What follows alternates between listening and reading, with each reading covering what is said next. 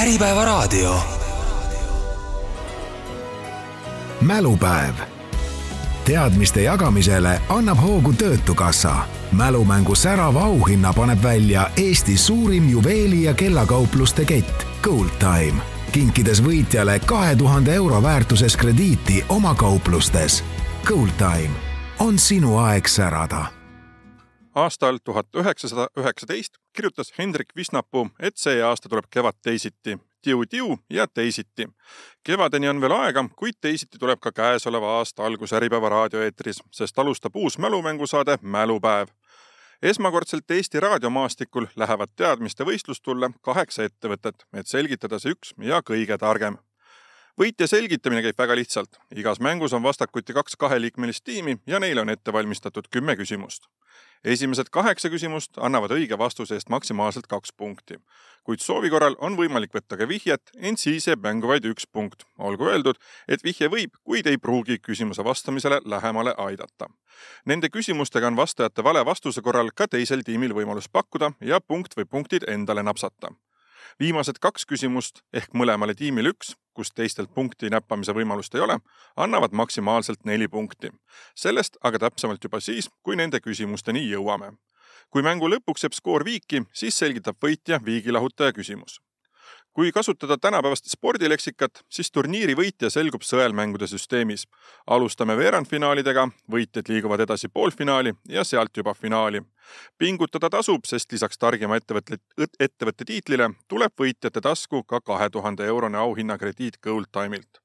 ka igas mängus teisele kohale jäänud tiim ei lahku tühjade kätega. nimelt saavad nemad omale imelise teaduse ajakirja kolme kuu tellimuse lisaks on siin paslik meenutada ka minu lemmikut mälumängu vanasõna, et mälumängu tegelikud võitjad on need, kes kaotavad, sest nemad said kõige rohkem teada.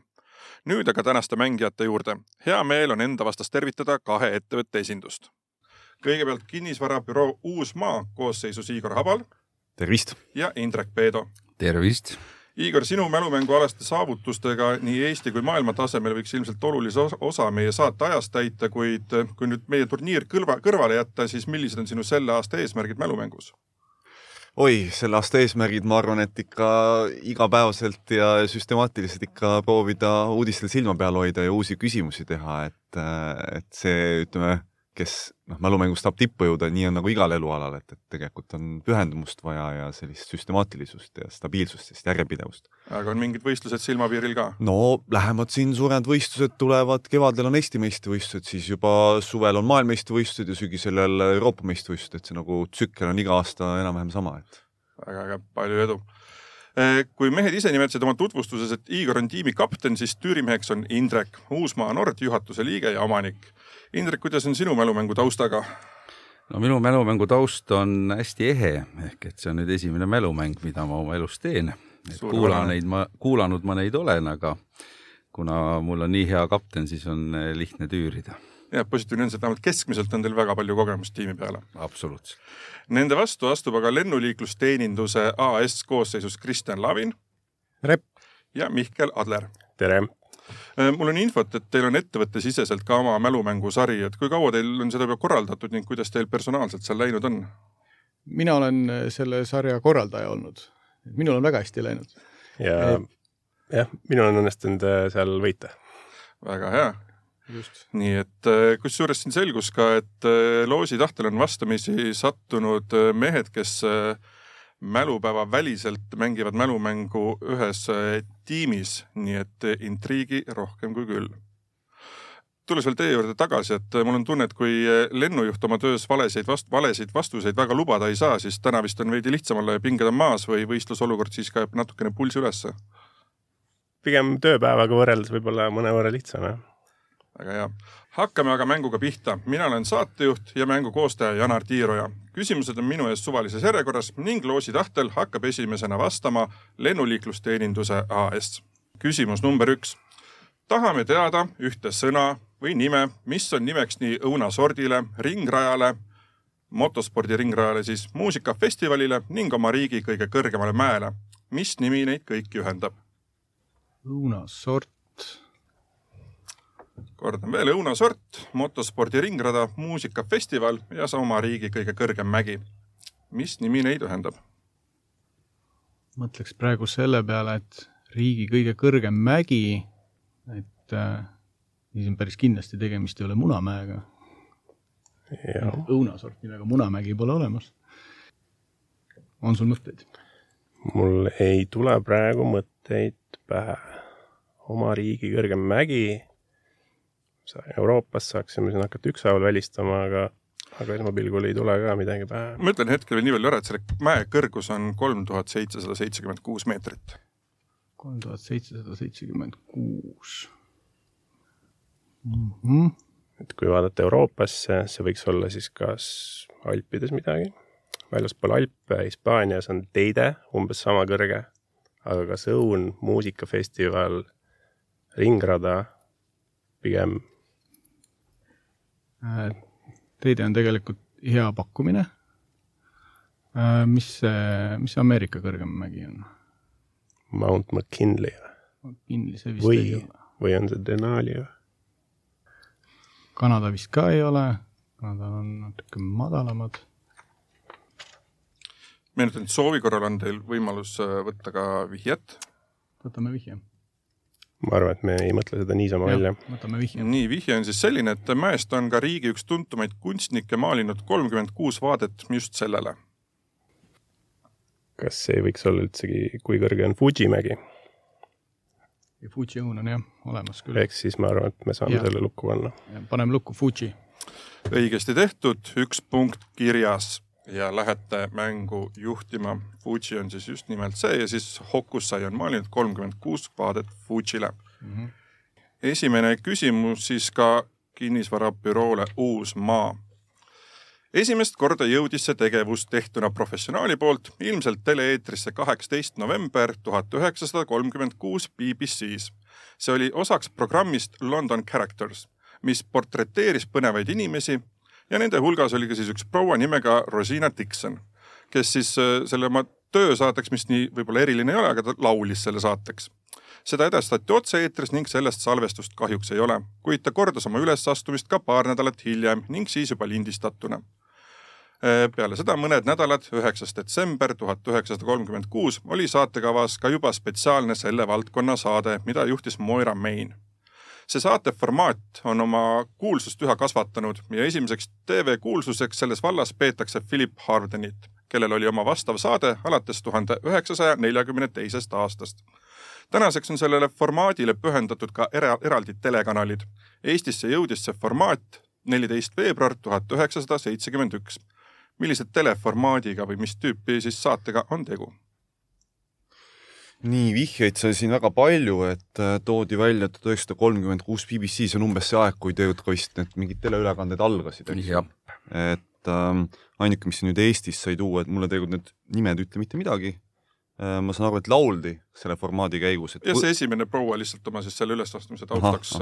et see siit tegelikult võib-olla isegi ei maksa kinni haarata, et äkki täna ei laulda aga neliteist veebruari tuhat üheksasada seitsekümmend üks ja see oli siis televisioonis, eks ju, kui ta jõudis teleformaadi, mitte raadiona mis meil siin kuuekümnendate lõpul, seitsmekümnendate algul olid, eks ju, meil oli reklaamiklubi oli vist väga kas ta hakkas siis juba siis pihta või? horoskoop oli varem, eks ju? oli varem. nii, naabrivisa oli ka vist varem, eks ju, niimoodi mälumängu saab. naabrivisa oli jah. ta oli vist äkki kuuskümmend üheksa, seitsekümmend, seitsekümmend üks, mingi selline teema. millal need Mõmmiaabitsad ja muud asjad tulid, lastesaated, need olid, kas see oli üldse esimene lastesaade oli Mõmmiaabits, oli vara, varasemaid ka Eestis mm,? ma küll kahtlustan, et oli ka varasemaid Eestis, et kas see ja, ja, oli esimene. tundub loogiline, et võis ja. ka varasemad olla. et mis need lapsed ikka enne ka seal ilma mummita tegid, aga Philip Harden ja nelikümmend kaks, noh, kui me mõtleme mingi saate formaati peale, eks ju, uudistesaade olemas, mis kindlasti langeb välja, siis meil on ju olemas, ma ei tea, kokasaated, kuidas meil ETV-s nende kokasaadetega oli, meil olid see Salme Masso, eks ju, või ei vabandust, Masso tegi raamatuid, Lilian, mis ta oli, Kosenkraan. Kosenkraanius, jah, see oli ju väga populaarne. mis ta oli, mingi Kikaköök või, või? jah. millal see võis olla? ma ei kujuta ette, kas Koka saate juures laulmine, ma kardan, et äkki peame vihje võtma või, või, või ma ei kujuta ette, kas mõtle välja, neliteist veebruar, ma arvan, et ei anna.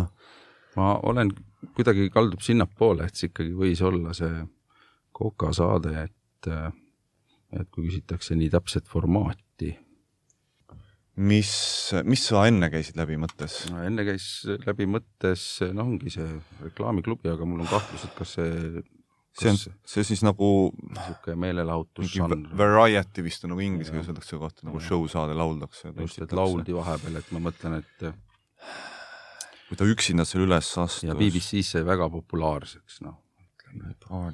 Just neljakümne teisel me räägime siis USA-s jah, raskel ajal, noh, kokasaade võiks ju variant olla, kui sul raskel ajal normeeritakse kaupa, sa proovid vähesega midagi siis söögikõlbulikku teha, et äh, et võib-olla siis hakkab ka, ka pea leidlikumalt tööle ja hmm, ma ei tea, ma võtaks ikkagi vihje.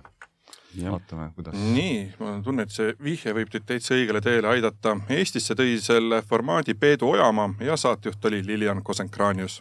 Kokasaade. siis ikkagi jääme selle kokasaate juurde. just, kokasaatega tegu oli ja punkt kirjas see esimene proua Rosina Dixon äh, siis äh, Taigna sõtkumise taustale laulis ja see väidetavalt tegi Taigna eriti kohevaks ja heaks. seisult üks-üks äh, läheme kolmanda küsimuse juurde Zimbabwe valitsus tuli kaheksa, kahe tuhande kaheksateistkümnenda aasta lõpus välja ideega, et kuna riigil pole viimasel ajal liiga hästi läinud, siis tasuks mõne posi abil ühendust võtta endiste riigijuhtidega, kes tegutsesid riigi iseseisvumise ajal. täpsemalt siis nende vaimudega, ehk on neil häid soovitusi, et mida riigi juhtimises parandada. kas see ka juhtub, näitab aeg, siiani ei paista sellest erilist tulu olema aga meediumite kasutamine riigi hüvanguks pole seal uudne. nimelt aastal kaks tuhat seitse viis üks vaimne juht ja õpetaja Zimbabwe valitsuse hanejahile, mis oli osaks riitusest, mille tulemus pidi vabastama riigi majanduslikest raskustest. mitmed ministrid, eesotsas siis tollase presidendi Robert Mugabega ning praeguse asepresidendi ja tollase ministri Kembo Mohadiga istusid paljajalu maas ja plaksutasid, kui nõid Mavhunga oma imet neile näitas ime seisnes selles, et tavalisest kivist sai hoopis midagi muud. Äh, nagu arvata, osutus asi pettuseks ning nõid pandi kolmekümne üheksaks kuuks türmi. mida too meedium kivist välja võluda lubas? olgu öeldud, et teatud tingimustel on see tehnoloogiliselt ka siiski võimalik, kuid kindlasti mitte Zimbabwe's. kaks tuhat seitse, kaks tuhat seitse see möll toimus, majandus surutis, hakkas, hakkas tulema ja siis kõigil olid kitsas käes ähm, kivist midagi välja, välja võluda, ma ise mõtlen, et see võib olla mingisugune mm, väärismetall, et kas siis näiteks kulda või hõbedat yeah.. et Aafrikas on see hõbeda teema on hästi, hästi populaarne, kuld ka kindlasti ähm,. samas äh, see viimane vihje, mis sa ütlesid, oli see, et, et, et teatud tingimustel on kivist võimalik seda isegi ka reaalselt välja saada. just nii. siis võib-olla kulla ja hõbedaga see nii lihtne ei ole. küll aga ma mõtlesin, et järsku mingi, mingi teemanti moodi asi. kivist teemantit välja võluda. jah, piirkonnas iseenesest ju seda leidub. leidub. Zimbabwe on ala, kus neid on ka niisama maas vist. ja see on midagi, millega siis äh, meelitada valitsusjuhte majanduskriisist välja tulema, et kui sul on siin tohutud varud mm. -hmm. lihtsalt kive, eks ole. jah. et siis kividest teha teemateid. näiteks. paneme selle lukku või, või võtame vihje. mõtlen, mis see vihje meil paremaks saaks teha? ma arvan, et ainult juhul, kui me oleme täiesti valel teel, et see ei olegi tegu mingisuguse yeah. mineraaliga, et mingisugune orgaaniline asi. võid ju kivist välja vett ka pigistada, eks ole. ja, aga kas see nüüd aitab Just. majandusolukorda paremaks, vist vaevalt ähm,? kuna ma ei ole päris kindel selles, ma olen valmis kuulama vihjet, mis sa arvad? olgu, teeme, võtame selle lisavihje. nii, tuleb vihje küsitav on nime saanud oma leiutaja järgi ning keeb temperatuuri vahemikus kakssada kuni kolmsada viiskümmend kraadi Celsiust. kakssada kuni kakssada. okei okay,, siis see. keeb. ehk siis see ikkagi võiks olla mingi vedelik, mis keeb kahesaja, kolmesaja kraadi juures mm. -hmm. ja ta on nime saanud oma leiutaja järgi.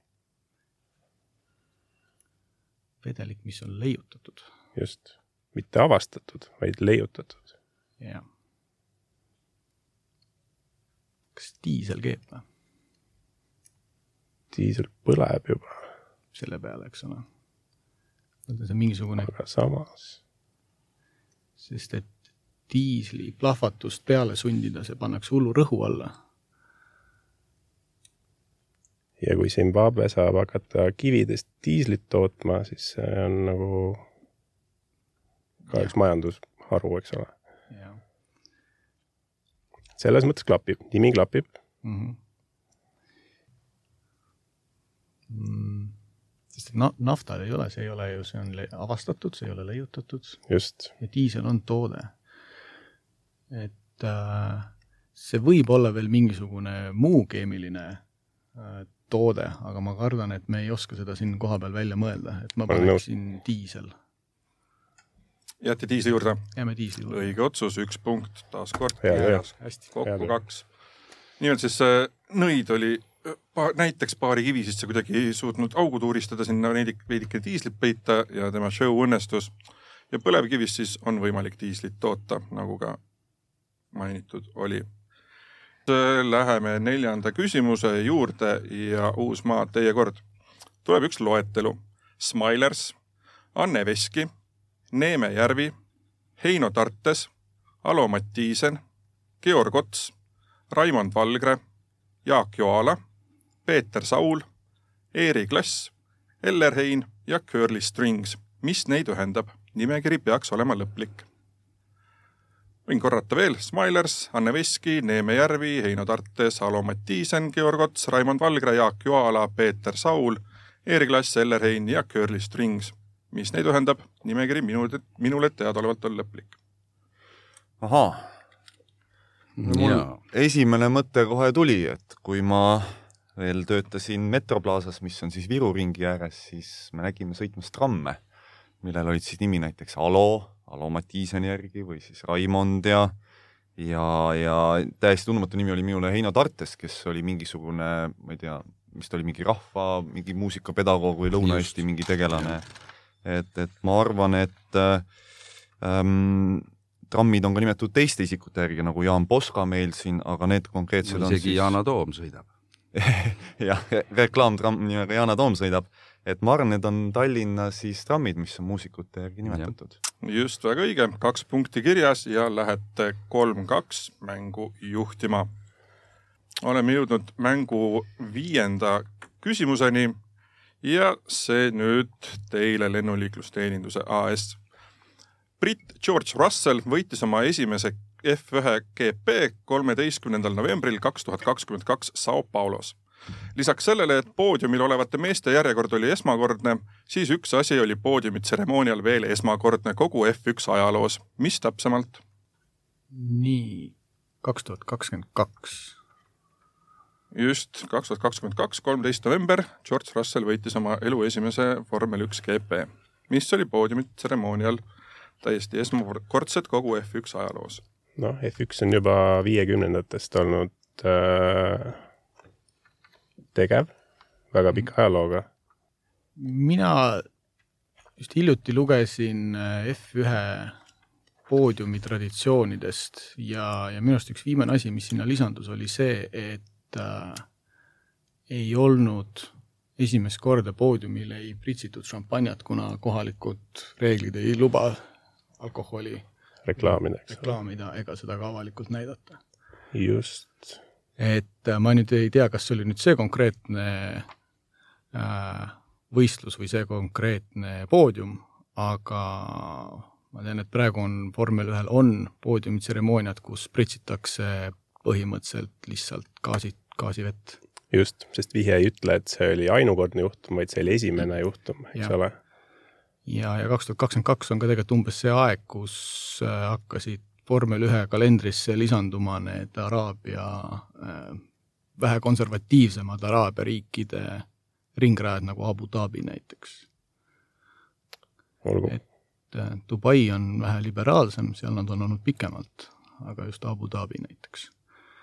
Et me pakume seda, et poodiumil puudus siis äh, traditsiooniline šampanja pritsimine, vaid pritsiti äh, mullivett punkte siit ei tule, kuigi see on tõsi, et on riike, kus šampanje asemel siis pritsitakse kas roosivett või mõnda muud alkoholivaba jooki.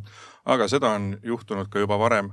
nii, Uusmaa, vaatan nüüd teie poole noh, me Indrek siin noogutas, et justkui see alkohol ja siis lennulikust Enn siin rääkis, et nagu ainult noogutame kaasa, ütleme ja, et see, meil ei ole midagi lisada, et äh, no kes seal poodiumil veel on peale, peale võistlejate ja no., ja siis šampanja, et tiimi esindaja tuleb sinna, siis ja. on hümne lastakse. siis on ju need napis rõivastuses tütarlapsed. kas on? või? Ma tean, et äh, jalgrattasõidus oli küll see teema, et nad Tour de France'il ja, olid, aga ja. need on hakatud sealt eemaldama justkui nagu... seesama trend ei ole ka autosporti äkki liikunud? ma saan aru tegelikult see, et kus ta poodiumile jõudis, see see äkki isegi ei olnudki Araabia riigi etapp. see oli Sao Paulo, Brasiilia. Brasiilias, kus võib-olla see alkoholi osas on liberaalsem see olukord, et äh, kuigi brasiillastele ilusad naised ju ka meeldivad ja sambadroomil ju käivad, et nagu ma nagu justkui vastuolu esmapilgul ei näeks, et aga. nõus, aga ajad on ju edasi liikunud, vaata mm. -hmm noh, aga see on ju meil hea olukord ju tegelikult ka vihjet ju kasutada, kuna vastased on valesti vastanud, et, et me võtaks siis äh, vihje. nii, vihjeks on see, et äh, eelmine britt, kes ennem George Russellit GP võitis, oli Lewis Hamilton ja tema tegi seda viiendal detsembril kaks tuhat kakskümmend üks ja üldse esimene britt võitis GP aastal tuhat üheksasada viiskümmend kolm. et siis äh, kui Russell sinna poodiumile jõudis, siis see oli esmakordne jah, miski, mis siis äh, poodiumitseremoonial toimus. ja kui Hamilton viiendal detsembril siis kakskümmend üks, siis? Siis oli kõik nii, nagu on äh, olnud F1 ajaloo algusest saati, siis kui esimene britt võitis tuhat üheksasada viiskümmend kolm. kuidagi Suurbritannia keskne, keskne tõi kas äkki see on seotud kuidagi hümniga? et Aa, vaata hümni sõnad jaa, ju muutusid. ja, ja viiskümmend kolm tuli Elizabeth võimule, et see oli nüüd esimest korda, kui just. mitte God Save the Queen ei kõlanud, vaid God Save the King. just, läheb punkt huh. kirja äh,. Esimest korda mängiti siis äh, tookord God Save the King'i. varem oli alati olnud God Save the Queen. nüüd aga lähme edasi kuuenda küsimuse juurde ja see nüüd Uusmaa teile mõistagi on enim artikleid inglisekeelses Vikipeedias ligi kuus koma kaheksa miljonit, kuid miskeelne Vikipeedia hoiab teist kohta samuti üle kuue miljoni artikliga. Tegemist ei ole oma riigis ühe, ühega kahest ametlikust riigikeelest. vaatamata sellele on kõnelejaid pea kakskümmend üheksa miljonit. keele nimi on tulnud ühe selle riigi saare ja seal asuva linna järgi ning see sisaldub ka ühes selle riigi odavlennufirma nimes. keel kaks punkti, kui vastate ära riigi, saate ühe punkti. ahah.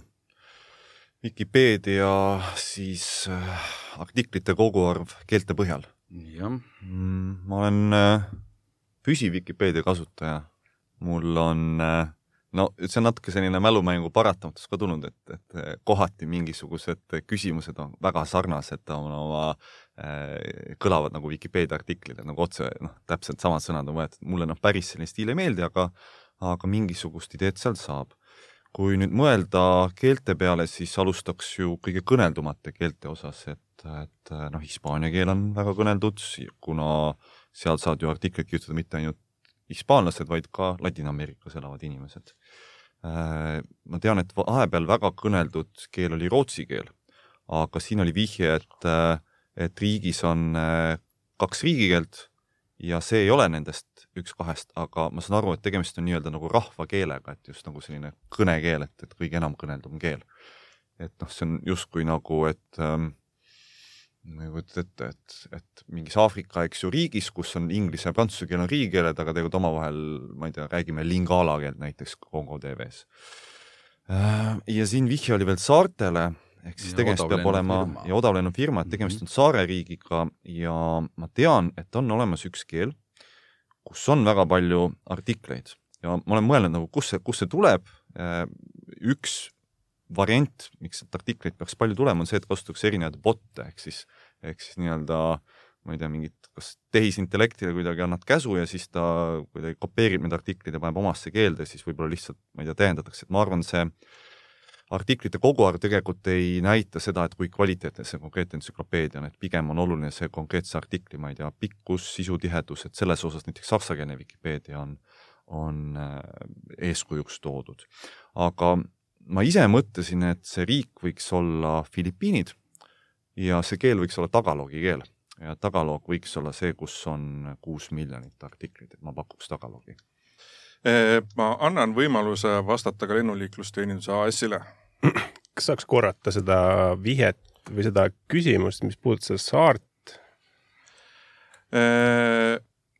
Tegemist on siis riigi ühe saarega ja see keele nimi on tulnud selle saare ja seal asuva kõige suurema linna järgi ning see sisaldub ka ühes selle riigi odavlennufirma nimes.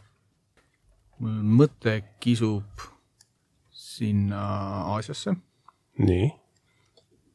Taiwan, Jaapan. Äh, seal vist odavlennufirmasid minu teada selliseid ei ole, mis jagaksid oma nime keelega. või selle linnaga, suurema linnaga seal saarel. suurema linnaga sellel saarel just aga mõtleme selle peale, mis odavlennufirmad on Euroopas, siin neid eriti palju ei ole, neid me teame no, hästi. just, ja Aasia odavlennufirmad Euroopasse ei lenda üldiselt, nad on seal regionaalsed. regionaalsed, jah. ehk siis kakskümmend üheksa miljonit kõnelejat on ikkagi väga suur arv, arvestades, et see ei ole isegi nagu ametlik keel mm. -hmm. kas me saame näiteks meil on veel võimalus vihjega võtta. vihjet siinkohal ei anna, sest et Uusmaa siit äh, sellest küsimusest null punktiga ei välju, nii et see vähemalt osa vastusest oli õige. ehk siis, kui me ütleme, et Filipiinid võis olla õige tee, siis kas me suudame tagaloogi kõrval mingisuguse mingisuguse teine, teine Mm -hmm. nüüd on see küsimus, kas sa tead mõnda Filipiini lennufirmat? Filipiinide lennufirmat ei satu siiakanti need äh, Filipiinide lennufirmad eriti. Äh, mis need Filipiinidel on palju saari? mida me veel Filipiinist teame? Luzon on mingisugune mm -hmm. saar. aga ausalt öelda ma ei tea mitte ühtegi Filipiini linna peale Manila. rääkimata keelest ja lennufirmast. mis on Filipiinide riigikeel on? kas sealt järsku midagi? ma oleks arvanud, tagaloog äkki ongi nende riigikeel. või? jah. Neil on mingisugune Hispaania päritolu, neil on seal ingliskeelsed sidemed, eks ole mm. -hmm. mulle tundub, me peame siin midagi huupi lihtsalt pakkuma. ainus asi, mis mul Filipiinidega seostub, on mingi Luzon, mis ma isegi ei tea, kas see on saar või ta on linn mm. -hmm. ei ei, ei oska praegu midagi pakkuda. no ma pakuks huupi lihtsalt äh, Luzon. see on ainus, mis me. jah, jääte siinkohal punktita, Luzon on äh, täitsa saar küll ja see suur peamine saar, kus asub siis pealinn äh, Manila ja Igor siin vahepeal juba näitas, et on õige vastusega kirja pannud, kuid punkt jääb siinkohal äh, minule. Õige vastus on siis Cebuano ja see on siis Cebu saarelt ja seal on ka Cebu linn see, kas see mitte ei käinud selles Enya laulus käis ka läbi Orinoco Flow oli puu, et, et see kohanimena ja, ja minu arust Rodrigo Duterte ju oli sealt pärit, eks ju, Cebu Cityst, et see on. Duterte oli Tavaost, Davao ah, saarelt, Mindanao saarelt, Davao linnast. just, just, just. Läheme edasi järgmise küsimuse juurde ja lennuliiklusteenindus AS, teie kord. kelle või millega on tegu?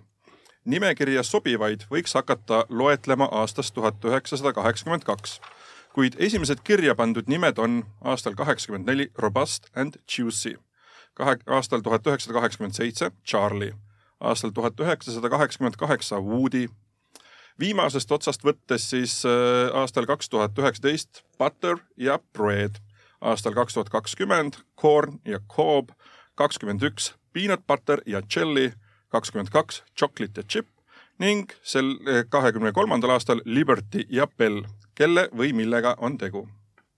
alates kahekümne teisest aastast saaks neid hakata võtma. kaheksakümne teisest jah, tuhat üheksasada kaheksakümne teisest aastast alates. võiks arvata, et need on mingisugused äh,, mingi tootemudeli nimed äkki? tundub väga sedamoodi küll, jah. Aga mulle tundub, et äh, meil on valikuliselt esitatud võib-olla vähem tuntud äh, versioone nendest mm. -hmm.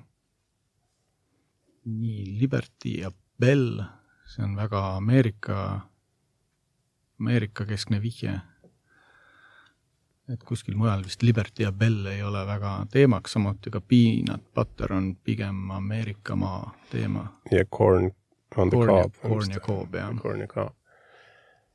Woody, robust, Charlie, Woody, Korn. ütleme, et kui see on kaheksakümne teiselt, kas see võiks olla midagi juba IT-ga PC ajastust või äh,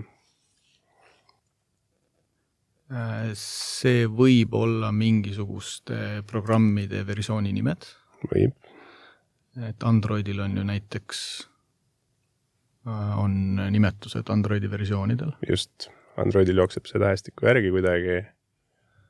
Ja seal on juba, ei teagi, kuhu välja jõutud on. aga Android vist nii varakult kui tuhat üheksasada kaheksakümmend kaks. jah, aga see võib olla midagi paralleelset, analoogset. midagi analoogset. samas see ei pruugigi olla tehnoloogia. aga ma arvan, et võtame võib-olla selle vihje ära, ma arvan ka, võtame vihje. nii, vihje on järgmine. Nende jaoks on märgiline olnud miski, mis leiab aset iga novembri neljandal neljapäeval, mis on nende saatust muutnud. kas see võiks olla tänupühadega seotud kas need on need Valge Maja kalkunid või keegi või? Valgemaja kalkunid, jah, millele on pandud need noh, Robust, Juicy ja Charlie ja Corn ja Väga- ka- kaks tükki on tavaliselt neid. veidrad nimed, eks ole ja kuupäev on ka väga okei okay., sest et Thanksgiving on ju selles mõttes liikuv, jah, ta on novembri lõpus jah. ja sellega seoses kalkunid oleks nagu ilmne järeldus ja Valge Maja kalkun on see, mis tegelikult me oleme kuulnud, mis ta Jah, muu saaks on ka olla. väga Ameerika-keskne teema, et äh, ma ütleks, et see on väga hea pakkumine, ma arvan, et see on isegi, isegi võiks lukku panna mõtle igaks juhuks, kas meil on mingi variant, et see on midagi muud, kui me jääme sinna Thanksgiving usse kinni? Novembri lõpus, see oli novembri neljas, neljas neljapäev oli, selle järgne must reede tavaliselt. must reede, jah. see on Thanksgivinguga, jah, sest et meil on vihjed olemas, meil on Ameerika, meil on Thanksgiving jah, ja meil on nimed, mis tegelikult kalkunitele sobiks küll. jess, aga siis tundub, et äh, lähme siis seda teed, et kuidas me vormistame selle, et need on nimed, mida kannavad Valge Maja Need on need, millele nad armu annavad minu arust. Vaata, seal on ju see, et, et president Pardon, annab jaa. armu kalkunitele, just, ehk siis äh, presidendi poolt armu antavate kalkunite nimed. punkt kirjas. väga tublid mm. -hmm. kinnisvarabüroo Uusmaa eduseisul viis-kolm oleme jõudnud kaheksanda küsimuse juurde ja see kaheksas küsimus tulebki teile, Uusmaa. See on ilmselt üks väheseid, kui mitte ainus riik, kust McDonalds on majanduskriisi tõttu oma uksed sulgenud, sealt maalt lahkunud ning kinnitanud, et naasmise plaane ei ole esimene McDonalds avati seal riigis aastal tuhat üheksasada üheksakümmend kolm ning viimane sulges oma uksed aastal kaks tuhat üheksa, oktoobri lõpus. tuntust on kogunud sealt ostetud viimane hamburger. nimelt selle soetaja pani selle oma garaaži riiulile ning avastas kolm aastat hiljem, et see näeb endiselt suurepärane välja. seejärel annetas ta selle riiklikule muuseumile, kus oli see aasta eksponaadina väljas. muuseum oli aga mures, et see nende juures võib-olla ei säili kõige paremini ja nad otsustasid selle edasi anda nüüd leiab selle burgeri leida ühe, ühest pealinna hostelist ja peaks, seda peaks saama jälgida ka internetis üle veebikaamera, kuid vähemalt eile, kui mina proovisin, siis see live stream tööle ei hakanud. aga mis riigist on jutt, kus siis McDonalds kahe tuhande üheksanda aasta lõpus äh, lahkus, kuid nende burger on siiani välja pandud vaatamiseks ja seda võib ka üle maailma uudistada. ja endiselt näeb hea välja, ma eeldan. noh, mul on sarnane kogemus Hurmadega ja üldse Eesti kaubandusvõrgus mulle tundub selline puuviljade kvaliteet on aasta-aastalt langenud, häid kiivisid pole ma aastaid saanud ja Hurmadega üks kokkupuude oli samuti selline, et sa ostad, ta on kõva, ilus, selline läikiv ja siis kuu aega hiljem täpselt samasugune ja siis seest lihtsalt mädaneb ära ja väljast on ikka selline. et eh, see oli selline paralleel lihtsalt kõrvalepõige. aga McDonalds on ju viiekümnendatel hakkas laienema ja Nõukogude Liidu esimene McDonalds tuli mingi üheksa, üheksakümmend äkki, vaata kui olid Mm. pikad järjekorrad Mm, Moskvas jah. kuskil Punasel väljakul, ehk see üheksakümmend kolm võiks ju viidata, et see kas siis on uus riik äh, kaardil just iseseisvana, kus siis äh, McDonaldsit selle tõttu varem ei olnud, või siis on mingisuguse laienemise tulemus, sest noh, ma eeldan, et McDonalds on peaaegu igas maailma riigis koos Coca-Colaga, nad on sellised Ameerika tarbimisühiskonna ikoonilised kaubamärgid. aga ma kardan, et meil siin vist ju ja ta lahkus sealt siis äh, majandusprobleemide noh, ja kahe tuhande üheksandal aastal äh, et ju ei läinud väga hästi. kriisi tõttu siis pandi uksed kinni. aga mulle tundub, et ega siin ülemäära palju vihjeid ei olnud, välja arvatud see, et eh, needsamad see lahkumine, aga noh, kaks tuhat üheksa igal pool ju majanduskriis no,, et me ei saa ju nagu välja tuua üht riiki nagu jah, aga kas võib olla see, et äh, lihtsalt need inimesed äh, ei tarbi seda laadset toitu?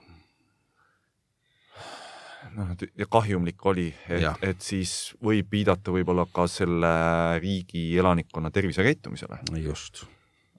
ja see võib olla vihje, et kui me vaatame, siis väga suur probleem, noh, et kui vaadata nagu ülekaalulisus, siis nagu Euroopas see jaotub pigem siis niimoodi, et äkki sellised, ma ei tea, Itaaliad, Prantsusmaad on võib-olla vähem, äkki ka Põhjamaad natukene, siis selline noh, Ungari, Horvaatia on kõige ülekaalulisemad riigid Euroopas, ma arvan, Suurbritannial on ka halvasti, aga Euroopas on igal pool McDonalds ju olemas, eks. Euroopas on jah, igal pool olemas. läheks välja, aga vaata, seal ongi see teema, et, et seal ongi raske kuskil hinda arvata, sest seal ka see kehamassiindeks ei ole põhjustatud mitte, et seal ei ole veel see läänelik eh, toidukultuur eh, ja elustiil jõudnud, ehk, ehk ma arvan, me ikkagi ei saa siit, siit nende vihjete pealt õige riigi juurde, et ma arvan, me peaks ikkagi liha vihje võtma. Mhm. ja vihje veel selle riigi kohta on selline, et riigi pealinnas oli kuni aastani kaks tuhat kuus keelatud koeri pidada.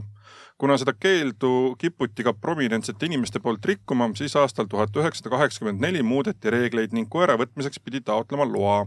see luba reeglina alati saadi, kuid keeld kui selline tühistati alles siis kaks tuhat kuus. ent karmid reeglid ja aastane maks koera pidamiseks kehtivad tänaseni no koer on islamiriikides selline ebapuhas loom. Mäletan, kui ma Saksamaal õppisin, mul oli Palestiina korterikaaslane ja siis äh, ma, ta rääkis ka, et noh, koerad on sellised noh, nende jaoks sellised ilastavad loomad, et seetõttu see viitab ebapuhtusele. siis ma küsin, mis loom teil on kodus, nad vastasid, et koer. ja põhjus oli selles, et kassikarvade vastu, noh, see kõõm, mis seal on, et allergiline. et noh, karmid reeglid ja koeri pidada luba aga vot, kui palju sa oled väljaspool Euroopat käinud, Indrek, niimoodi, et äh, mul siin paar mõtet on, et aga no ma olen ikka teinekord sattunud McDonaldsist igal pool mööda jalutama. Kas see sa- ongi see probleem, et ta on igal pool. kas sa Singapuris oled käinud? ei. ja seal jah, seal on väga karmid reeglid täpselt, et tihti. seal ju nätsu nä-, mingi sülitamine, vandumine. täpselt, et see on ju igati, et aga, aga Singapur ei ole ju moslemiriik. no Ta ta ei pea olema seotud. ta, ta ei pea olema usuga seotud. et seal on see puhtus ja kord, et noh, kui me näiteks Londoni McDonaldsist ikka mööda jalutame, siis me näeme, et see uksetagune ei ole vist kõige Mm. enam seal näiteks. nojah, aga Singapur on ikkagi üsna rahvusvaheline riik, ma arvan, lennuliiklusteenistuse poisid on seal käinud, see lennujaam on ju üks ka maailma vist parimaid, et valitud see Mm. Changi, eks ju.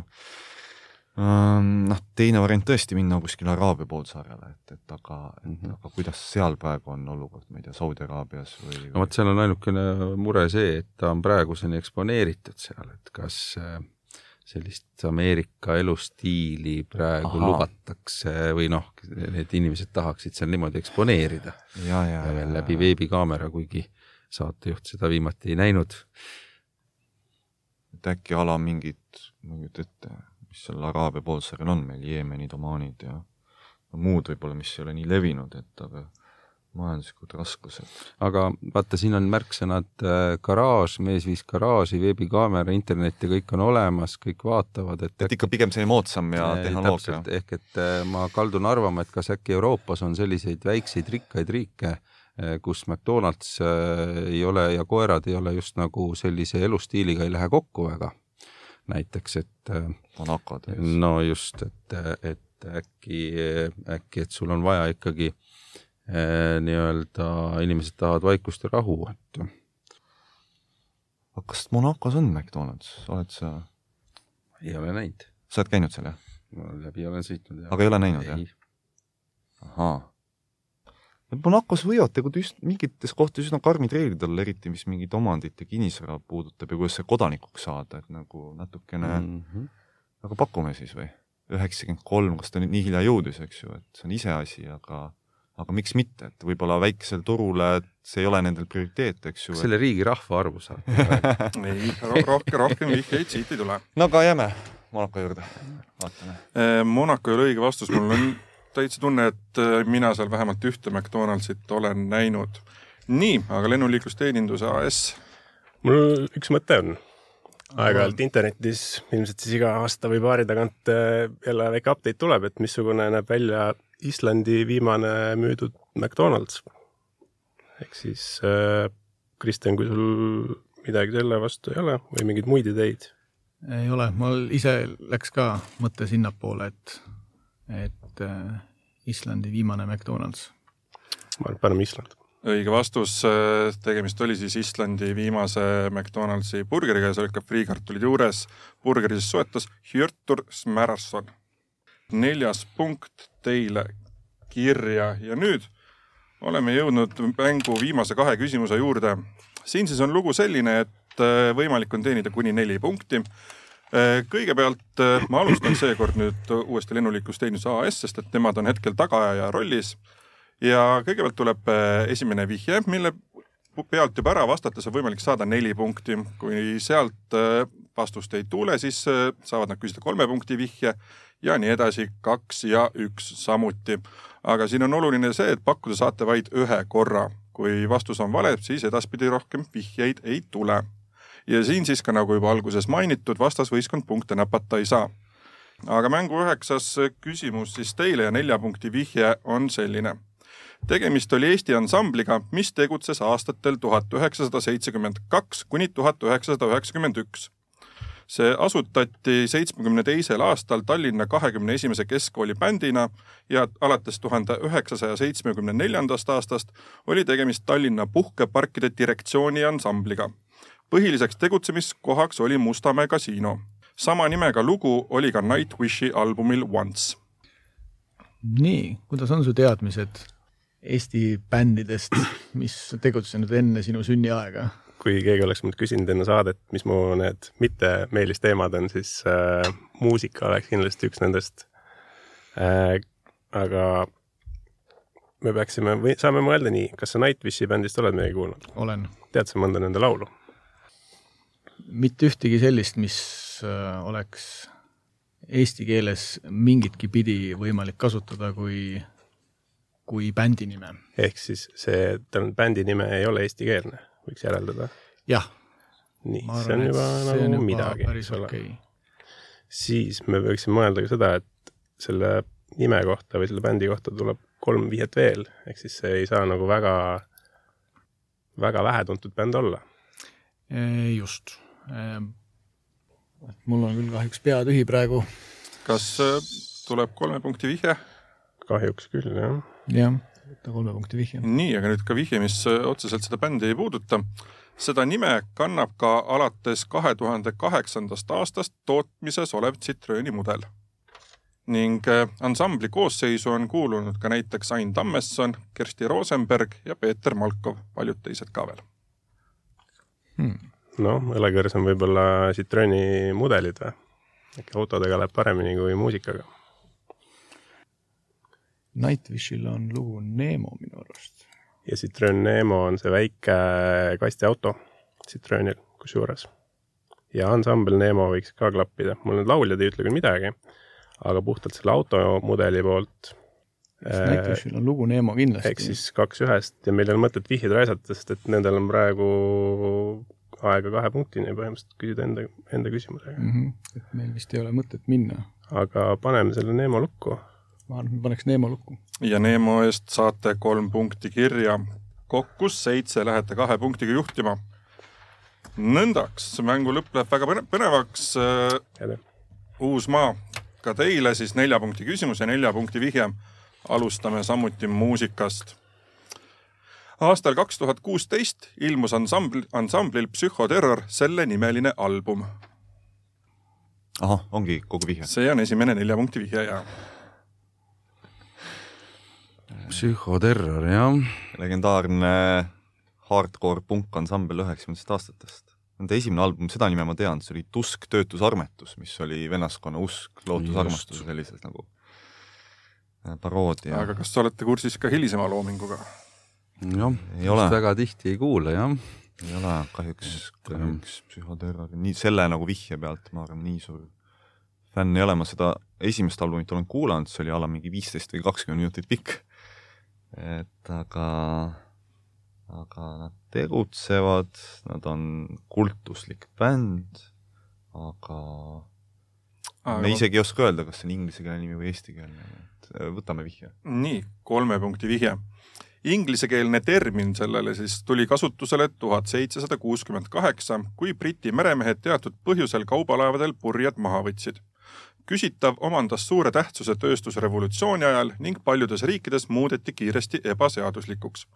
valdavalt hakati neid lääneriikides aga seadustama uuesti üheksateistkümnenda sajandi lõpust. Eestis räägib sellest seadus lühendiga KTTLS, vastu võetud tuhande üheksasaja üheksakümne kolmandal aastal. Nii, inglisekeelsesse maailma jõudis see mõiste aastal seitsesada kuuskümmend kaheksa, kui mis selle purjete mahavõtmisega meil oli, et kui teatud põhjusel siis kaubalaevadel meremehed võtsid purjed maha. teatud põhjusel. enam ei olnud vaja purjedega sõita äkki või või siis teised masinad. ja tööstusrevolutsiooni ajal võideldi selle vastu? Jah, riigid muutsid need ebaseaduslikuks, kuid siis mõni aeg hiljem, üheksateistkümnenda sajandi lõpust hakati uuesti seadustama. mis on huvitav, sellel ajal nagu pigem nagu soodustati seda tööstusarengut ja, ja ludiidid olid ju need, kes võitlesid selle vastu, et võimalikult vana tehnoloogia saaks võimalikult kaua jätkata. aga KTTLS on nagu seadus merendusega oli vihjeid, aga ma ei tea, kas seitsesada kuuskümmend kaheksa viitab siis James Cooki esimesele ekspeditsioonile. ma arvan, psühhoterror nii sinna ei läinud, et see on mingisugune suht. ja Cooki esimesel ekspeditsioonil, kas mitte ei olnud see teema, et siis ju katsetati sellega, et, et, et, et ähm, Äh, skorbuut, vaata, et äh, kas mm -hmm. mingid äh, supid ja siis puuviljadega varustati, tehti see katse ja siis selgus jah, et, et skorbuut on seotud C-vitamiini vaegusega. no skorbuut juba läheb sinna psühhoterrori no poole küll. ja aga, aga kuidas sa võitled selle vastu, et see ikkagi peab midagi muud olema? ma ei tea, ma selle pealt küll ei oskaks midagi niimoodi öelda, et, et siit nagu, et no siis, kui on kahe punkti viie, siis läheb juba läheb juba viigilahutuse peale mm.. just K-ga hakkab pihta. ei, äkki äh, kui see, seda võtta üheksakümne kolmandat aastat analüüsida, siis äh, kodakondsus, illegaalid, millega meil siin tuli kohe põtkuda, mille oli vaja kohe mingisuguse seadus tekitada, et sellega nii-öelda hakkama saada, hakata seda reguleerima, seda ala.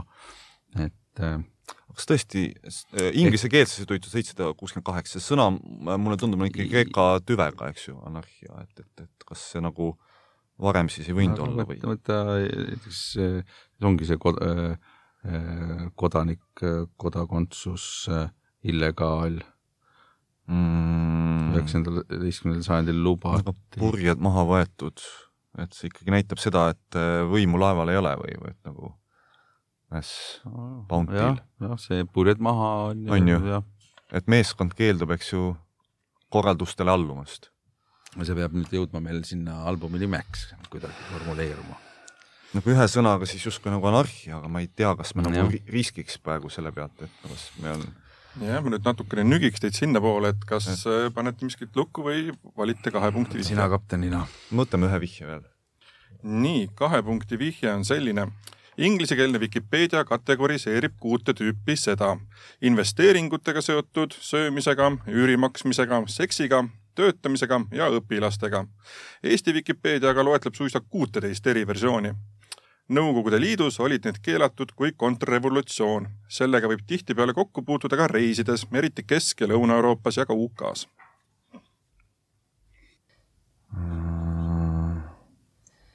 õpilased, täitsa õpp, nagu ei, hetkel küll ei tule midagi. sul on mingeid mõtteid? ei, mm,? Nõukogude ajal oli palju asju keelatud, jah? Nõukogude ajal oli palju eraettevõtlusega väga, väga paljud, eks ju, asjad olid. kuigi ma ei tea, mingid poed, kuidas see käis, et no valuutapoed olid okei okay,, aga ma mõtlen galant-, mingid väiksed pudukaubad, kellele need kuulusid, need no, riigile. ikkagi riigile, jah? ma ei kujuta ette, kas tõesti prostitutsioon või? varem, see oli ikkagi varasem termin, ma eeldan.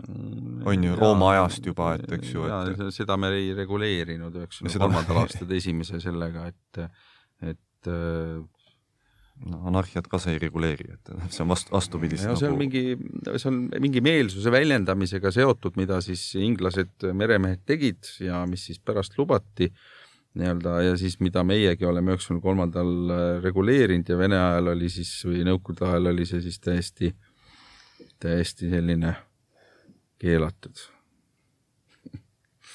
see on hea küsimus.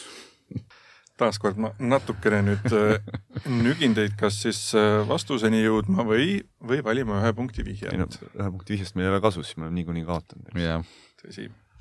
et ähm, ega meil head üks varianti ei ole. sõna, üks sõna, see Üks sõna, jah. bändi äh, album on ühesõnaline. Aga ei ole väga häid vihjeid olnud ka tegelikult, peaks tunnistama, et sealt, kus me alguses olime, sinna me aga mis meil juhtub, kui me paneme, ma lihtsalt praegu kiiresti Nii. eh, vedasid, lasid purjed alla, vedasid illegaale, siis neid vastu võtsid, nägid, need purjed on alla lastud, et illegaalid üheksateistkümnendal sajandil hakati lubama. meie reguleerisime üheksakümne kolmandal aastal kohe seda, seda sinna sisse illegaalsed investeeringud, täpselt. illegaalne töötamine, illegaalne seks, just Illegaal siis. kontrarevolutsioon no. Samamoodi, kui see oli, noh, ma ei Jah, oska jah. nagu paremat, ma ei, praegu ei tule kuidagi. no jääme selle illegaali juurde. hea pakkumine, kuid ei ole õige vastus. KTTLS on siis nimelt kollektiivse töötüli lahendamise seadus ja tegevus, millest juttu oli, on streik. nii, siin vot, nüüd äh, viimase küsimusega tuligi mängu pööre ja mängu on võitnud lennuliiklusteeninduse AS, palju õnne teile. Uusmaa, kahju, et seekord nii läks, kuid äh, lennuliiklusteenindusega kohtume siis juba poolfinaali saates aga ka Uusmaa, teie ei lahku saatest tühja käega, teile siis lohutusauhinnaks imelise teaduse kolme kuu tasuta tellimus. Head kuulajad, teiega kohtume aga, juba uuesti järgmise laupäeva ennelõunal, siis juba uued tiimid ning korduses pühapäeva keskpäeval või kuulake meid ükskõik mis tahes ajal Äripäeva veebis ja Spotify's. Kuulmiseni